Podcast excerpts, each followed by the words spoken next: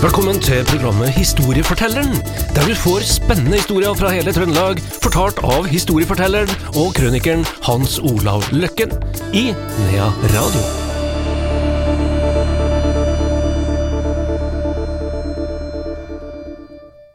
Historiefortelleren tilbake her i Nea Radio. Historiefortelleren med spesialutgave jul. Hans Olav Løkken, velkommen. Jo, takk du. Eh, Uten forkle, men uh, hvor langt er du kommet i, i juleforberedelsene? Ja, det, jeg må vel si det at det er ikke så veldig mye å gjøre, men uh, der er det nok uh, kanskje et litt sånn skille, rollemønster, kjønnsrollemønster, hvis vi også går litt tilbake. For når jeg vokste opp og sånn, så var det visse ting som mannfolkene omtrent ble jaga ut. Altså I dag skal jo mannfolkene ta sin støyt, de skal være med å vaske, og det er ikke måte på. Absolutt. Ja, Spesielt tak. Ja, alt skal du vaske, men det, jeg husker jo hjemme liksom at, at vi guttene ble jaga ut, og, og far var ikke med på noe sånt og sånn, da måtte holde seg unna mannfolkene når kvinnfolkene satte i gang. Og eh, når man forbereder seg til jula, da begynte jo man i slaktetida. Med en gang slakteren var ferdig, så begynte jo de her eh, kvinnfolkene, de gikk jo ofte sammen, de nabokjerringene, og, eh, og skulle eh, gjøre maten ferdig eller halvferdig. Og jeg minnes jo veldig godt det der at jeg la merke til, og jeg skjønte det da jeg var veldig liten, at all maten som vi hadde i jula, den var jo ferdig mangfoldige uker før. Og var på staburet da, som vi hadde. Vi hadde jo, hadde jo, det var jo 17 hus på den gården jeg vokste opp, og hadde tre stabur. Eh, Da ett for mel- melkeprodukt og ett for kjøtt og alt mulig sånn. Og der var det altså laga ferdig, og det var en fast ordning hva du skulle ha. Jeg tror nok kanskje du også husker at du omtrent hadde det samme hver jul. Ja, ja. Der. Og vi, eh, vi hadde lutfisk. Til høyre i vertikalaksen du kom, til lenger vekk fra fiske og, og havet, så, så ble det litt mer satt pris på den fiskematen. Og, og, og eh, må ta det med en gang da, før vi går til mer forberedelser her, men, men eh, akkurat det her julemåltidet det har jeg tenkt veldig mye på, fordi at vi hadde det så enkelt. Vi hadde lutfisk og lefse, og vi hadde lutfisken opp på lefsa. Du kan jo forsøke det, dere lyttere nå. Ta litt lutfisk oppå på ei stor lefse og et med fingrene. Mm. den, den, er- den detter jo ut i alle, alle retninger, den lutfisken. Så når jeg kom til Trøndelag Jeg ble jo da forlova meg ei fra Stiklestad, og, og, og, og kom eh, til Trøndelag. Og plutselig så var det et bord med alt tilbehør som du skulle ha. Både erter og potet og bacon og Ja, det var mye ting som ikke jeg var vant til. Så det er forskjell fra landsdel til landsdel her. Absolutt. Jo da, det her med forberedelser, det var eh, Det føltes jo litt parallelt, det her, da. Eh, for det føltes med, med jakta. Det begynte ikke med jakt, for vi hadde jo jakt som tilhørte gårdene før i tida. Si Før i tida, akkurat som om jeg skulle vært et par hundre år, da, men, eh, men eh, jeg begynner jo å bli- bli litt eldre, jeg òg, da. Og da skulle det da, kjøttet og alt sammen, det måtte jo da eh, Noen måtte ta seg av det. Og, men bakstkjerringa og slakteren, de hadde en tendens til eh, pa, eh, være omtrent parallelle. Altså, de kom omtrent i samme tida. Og eh, bakstkjerringa jeg husker bakstkjerringa. ja, Vi hadde bare ei bakskjæring. Det var som lærerinna vår det på skolen. Eh, Alle har gått hos samme lærerinne, og, og, og, hun hadde i mange år, skulle jeg si. Og var en institusjon i bygda, der vel var inne, men det var bakstkjerringa og slakteren òg, vet du. For det var ikke så mange av dem. Men alle kunne jo bake litt, selvfølgelig, sånn husmødre og sånn, da. Men, eh, men når det gjaldt akkurat bakstkjerringa, så var det jo da flatbrød og lefse. Det var de store tingene på de store takkene. Det var jo en kunst. Det var en kunst. Ja, det er det fortsatt i dag. Veldig kunst i dag. Og, men, og de her stortakkene de var så store vet du, at når de skulle ha takk, eh, eh, når de skulle ha ved, da kom mannfolkene inn i bildet. Og det var ikke bare å hente noen bjørkekubber eller noe sånt og så kaste utpå. Det var som forvokste store fyrstykker på en, eh, kanskje en meter, og, og, og en viss tykkelse på. Og sånn måtte det være, fordi at du skulle få jevn varme i takka. Og det, var, og det var en kunst, og derfor så hadde man bakst ved. Man tok ut altså emnene på forhånd, som da man skulle bruke til takka, til, til, til, til stekeovn, for å si det sånn. da. Og det var jo oss guttene som måtte ordne litt med da, og bringe, bringe veden til bakstkjerringa. Og den, hun, hun, hun skulle da, fra gammelt av, klare ca. 120 eh, leive, altså lefser. Ja. Og ei lefse på den tida var jo som ei håndballbane. Altså, det, det, Takkene var jo enormt store. De her elektriske takkene man bruker i dag, det er jo bare noe småtteri, det. Men det var enorme takker. Og vi fikk ete så mye vi ville, vet du. Og vi gikk da, og da måtte du holde lefsa med begge, begge hendene. Da hadde du rulla henne, og så med sirup på. Steike meg vi åt sirup, gutt, og åt lefse, og satt på do i flere timer etterpå, for det gikk jo tvert igjennom. Men det var jæklig godt når du, når du hadde på det. Og god, god ny, ny, nybakk og lefse. Steike meg godt, altså. Og, og fra gammelt av så var det å kna deigen, vet du, det var jo i og for seg et, en mannfolkarbeid til å begynne med. Men det ble jo mer og mer at, at eh, bakkjerringa forlangte at den første deigen skulle være knadd når hun kom om morgenen. Og så tok hun og knadde de andre etter hvert, da. Og jeg husker hun, hun eh, som var bakkjerring i alle år, for hun gikk jo fra gård til gård. Så når hun kom til oss, vet du, hun dekte jo halve døra, vet du, det var ei stor, hun var så kraftig over overarmene at hun antagelig knuste meg bare hun hadde tatt det med, altså. For de utvikla muskulatur, vet du. Og, og, og veldig myndig, strenge, og de skulle nå målet 120 leive, da, om det var flapperød eller om det var, var, var, var der, da. Og så kom slakteren.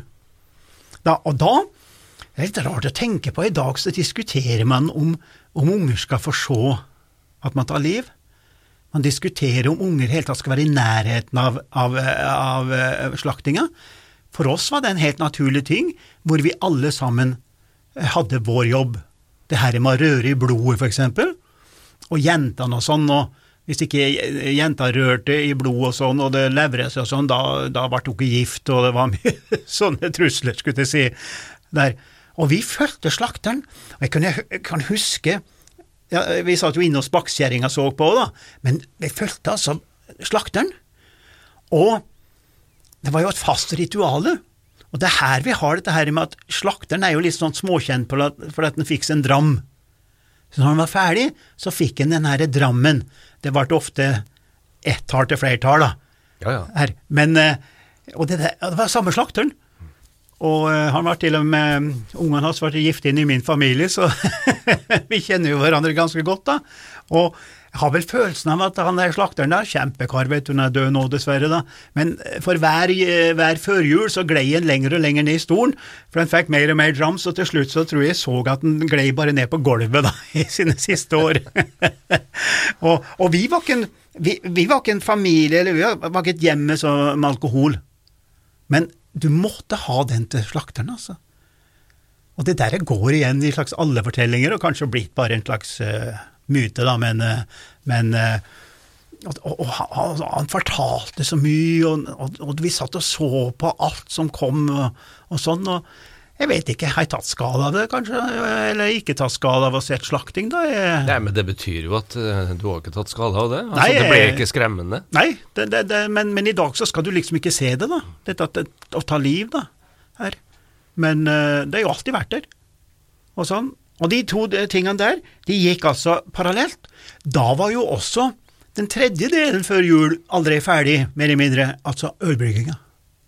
Den her ølbrygginga som vi er så stolt av her i, i, i, i Trøndelag, det er jo konkurranse omtrent fra plass til plass på hvem som har best ølet, og jeg er med og skal smake på, vet du. Du som ikke er veldig glad i Stjørdalsølet? Ja, altså jeg har hatt litt dårlige opplevelser der, da. Men eh, jeg husker jo da han, eh, han, eh, han Bjarne Vestmo, vet du, en kjent journalist i, i, i, i Adresseavisa, var mye NRK og alt mulig sånn, da han lever i beste velgående, han da.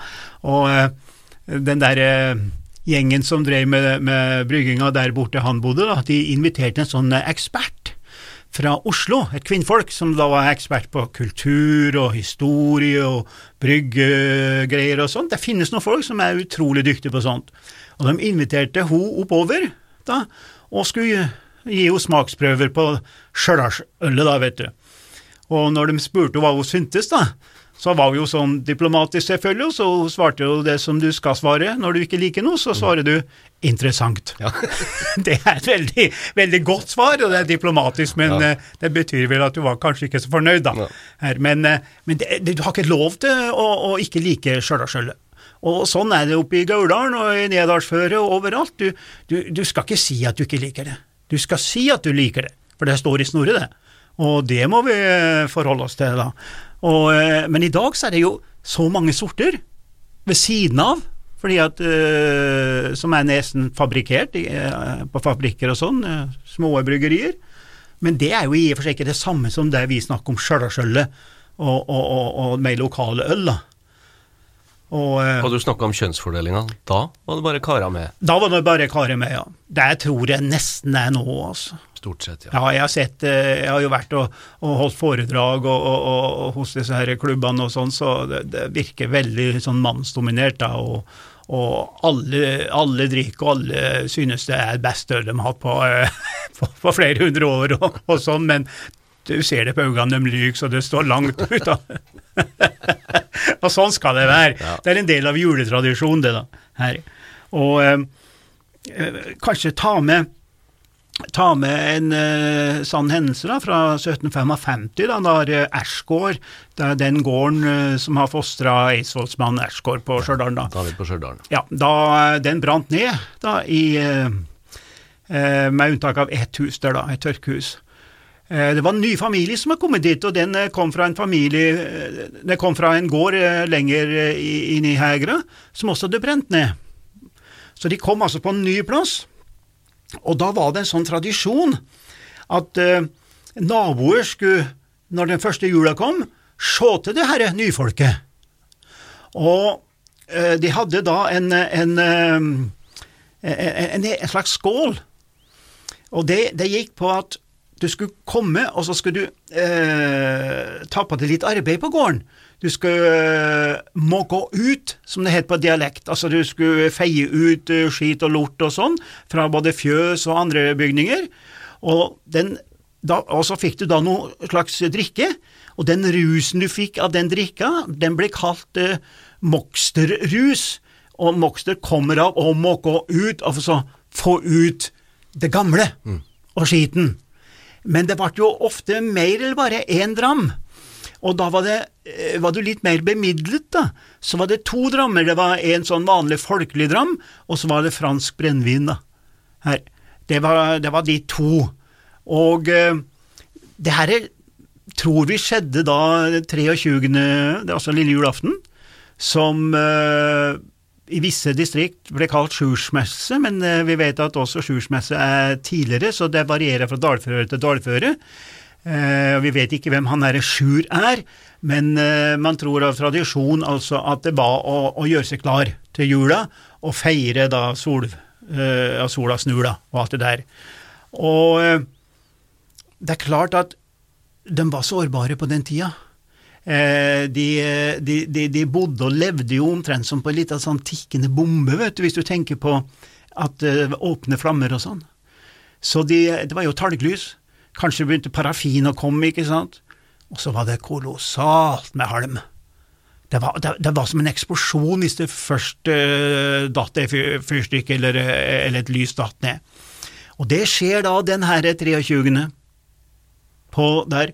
Og de sikkert, og det her er jo bare min teori, altså, hvor, hvorfor det begynte å brenne, men kanskje hadde de tatt de her skålene da, og sånn, fordi de overlevde. Og hvis den brannen har kommet om natta, så har antagelig ikke alle overlevd. Du, altså, du dør veldig fort av røyk og alt mulig sånn, og, og det, det er vi nesten sikre på at det skjedde ikke om natta, for da ville den tradisjonsfortellinga hatt det med. Men i tradisjonsfortellingen i familien i dag så overlevde de, og da har jeg tenkt på at de var til stede. Og de hadde ikke sjans til å slokke. Kaldt, midt på vinteren, og alt det der, og alt det der. Og man tror nok at det var rett og slett det som tok knekken på mange, det her med talglys, da, og sånn. Og, for, øh, så, og, de, og på grunn av den tradisjonen med at naboene skulle komme, og så skulle man få skjenk. Så tradisjonen ble for sterk i dobbel forstand en liten stund. Det var historiefortelleren i dag. Eh, litt eh, tragisk slutt og en eh, dårlig inngang på, på jula. Det var lille julaften, altså. Hans Olav Løkken, takk skal du ha. Vi er tilbake igjen med mer julestoff her i Historiefortelleren i Nea Radio.